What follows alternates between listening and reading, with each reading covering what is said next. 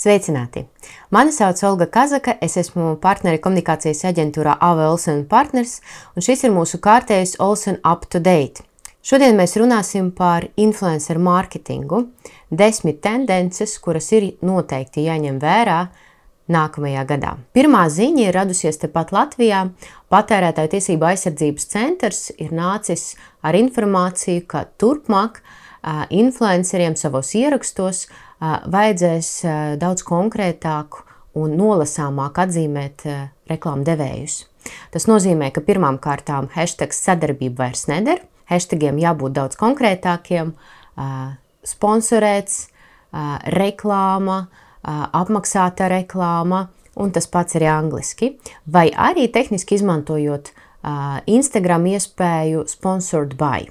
Tas, protams, viss ir saistīts ar to, ka influencer mārketinga tirgus attīstās un jau kļuvis par industriju, tur apgrozās diezgan nopietni budžeti, cilvēki uzticās influenceriem un līdz šim izmantots hashtag sadarbība īstenībā nenodot būtību. Un, nesen veikta arī aptauja, kur noskaidroja, ka 55% lietotāju pat nemaz nenojauš, ka aiz hashtag sadarbība stāv reklāmas budžets. Tātad turpmāk influenceru ierakstos vajadzēs ļoti konkrēti norādīt gan pašu faktu, ka tas ir apmaksāts saturs, gan arī skaidri definēt, kas ir reklāmdevējs. Otra tendence saistīta ar to, ka mums kopumā ir jāmaina savi priekšstati par to, kā mēs reklamējamies Instagram. Jābeidz to darīt tā, kā mēs to darām televīzijā.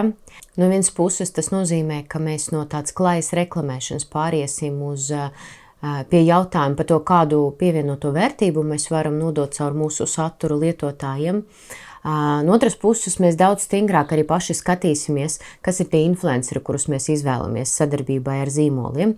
Parādīsies arī tāda papildu izvēles kritērija, kā cik ētiski komunicē influenceris, cik cik daudz viņš arī pārbauda faktus, kurus tālāk nodot savai auditorijai, cik viņš ir godīgs pret saviem sekotājiem un reklāmdevējiem.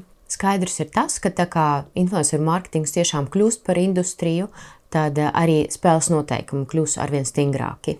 Trešais.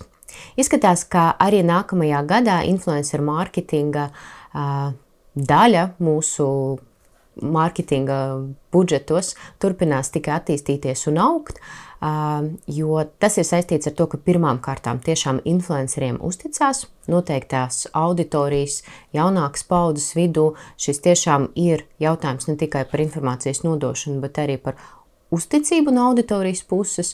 Otrām kārtām izskatās, ka pandēmijas ietvaros vismaz gada sākumā mēs turpināsim strādāt attālināti, un šādos apstākļos šis arī ir viens no tādiem labiem digitālā mārketinga kanāliem, kur mēs varam nodot vēstījumu. Un te mums nāk ceturtā tendence. Mēs sāksim skatīties plašāk, ne tikai Instagram. Mums nāks palīgā arī youtuberi, kā influenceri, kas palīdzēs nodot vēstījumu Z paudzei, arī TikToks, kurš ir ārkārtīgi specifisks, kurš vispār revolucionē arī šobrīd maina to, kā izskatās komunikācija sociālajos tīklos.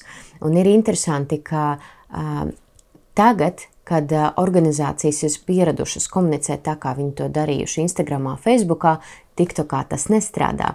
Un līdz ar to tieši influencer mārketings caur tiem redzamiem lietotājiem, kas jau ir ieguvuši to uzmanību, kas māk komunicēt šajā platformā, arī organizācijas caur viņiem nodos savu vēstījumu. Un, protams, skatīsimies arī, kā attīstīsies šajā kontekstā Reels. Piektais Protams, ka pārdošana kā influencer mārketinga mērķis nekur neizzudīs, bet notiks interesanta transformācija, jo arvien vairāk mēs pāriesim uz performance marketing, kur par rezultātu tiks vērtēts nevis ierakstu skaits vai sasniegta auditorija, bet pārdošanas rezultāti.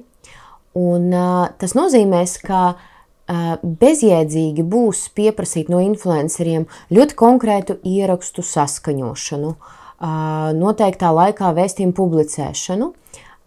Zīmoli arvien vairāk dos savu produktu vai pakalpojumu influencerim, un influenceris dzīvos ar to, integrēs to savā ikdienā un pats izdomās, kā viņš var veicināt to pārdošanu.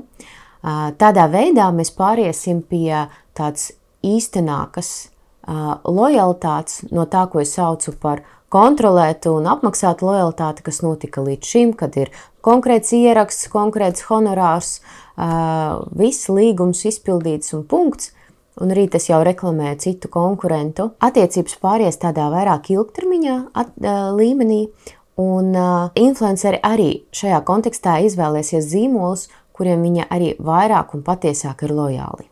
Sestais. Izskatās, ka nano mikroinfluenceri nekur uh, nepazudīs, un zīmoli joprojām ar lielu interesi ar viņiem sadarbosies, uh, bet viņiem pievienosies vēl viens ļoti interesants un svarīgs bloks - ierindas darbinieki un klienti, uh, kuri tiešām var kļūt par ļoti vērtīgu viedokļu līderu un influenceri savās kopienās un nodot organizācijas vēstījumus. Septītā tendence ir tā, kurai es ļoti gaidu. Es ļoti gaidu, ka nākamgad Latvijā parādīsies specializētu influenceru grupa, kas komunicēs ne tikai par dzīves stilu, par turismu, par skaistumu un modi, bet iespējams tie būs ārsti, iespējams tie būs juristi, iespējams tie būs finansisti un būvnieki, kuriem ir izglītība, zināšanas, ekspertīze un kuri caur sociālajiem tīkliem varēs nodot arī šos vēstījumus.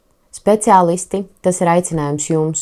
Sociālajos tīklos šī niša ir gandrīz vai brīva, jūsu padomi ir ļoti, ļoti gaidīti. Astotais. Mēs arvien vairāk skatīsimies dažādu arī dombiedru grupu virzienā. Cilvēki tur apvienojas pēc kaut kādām noteiktām interesēm, tēmām, un viņi diezgan lojāli un daudz tur komunicē savā starpā. Perfekta vide, kur apspriest arī organizācijas vēstījumus, kur nodot arī to pašu pievienotu vērtību, par kuru es jau iepriekš runāju. Līdz ar to gan integrējoties organizācijas ekspertiem šajās grupās, gan iespējams caur influenceriem integrējot savus vēstījumus šajās grupās, arvien vairāk organizācijas zīmoli veidos tādu intīmāku dialogu ar savu auditoriju. Devītā tendence ir saistīta ar to, ka a, mēs redzēsim arvien daudzveidīgākus sadarbības formātus starp organizācijām un influenceriem. Piemēram, a, influenceri var saimniekot organizācijas sociālo tīklu profilos, a, varbūt viņi var ienākt organizācijas ikdienā un saviem sekotājiem vairāk parādīt kaut kādas aizkulises, to neredzamu daļu, ko dara organizācija. Noteikti būs arī daudz live video, dažādu video formātu satura un daudz arī citu. Un tas galvenais, kas ir mūsu uzdevums, tiešām arī meklēt tos jaunus formātus, kā mēs varam advancētāk un ar to pievienot vērtību arī nodot mūsu vēstījumus sekotājiem. Un desmitā tendence ir saistīta ar to, ka tomēr influencer mārketings ir daļa no mūsu strateģiskās komunikācijas. Tā nav nekāda panacēja. Tas nav vienīgais veids, kā mēs varam uzrunāt mūsu auditoriju. Galu galā tas ir tāds ļoti konkrēts veids, kā uzrunāt noteikta vecuma un dzīves stila auditoriju. Līdz ar to es ceru, ka mēs arī kā komunikātori atcerēsimies, ka kanāla daudzveidība ir ļoti liela, ka mēs spēsim arī radoši integrēt tajā daudzveidībā arī influencer mārketingu. Tas bija Olsen Up to Date panākumus jums komunikācijā. Tiekamies noteikti atkal jau 2021. gadā, un ja ir kaut kādi jautājumi, kurus jūs gribētu, lai mēs apskatām, turpiniet sūtīt tos uz uptodate at olsenlv. Visu labu!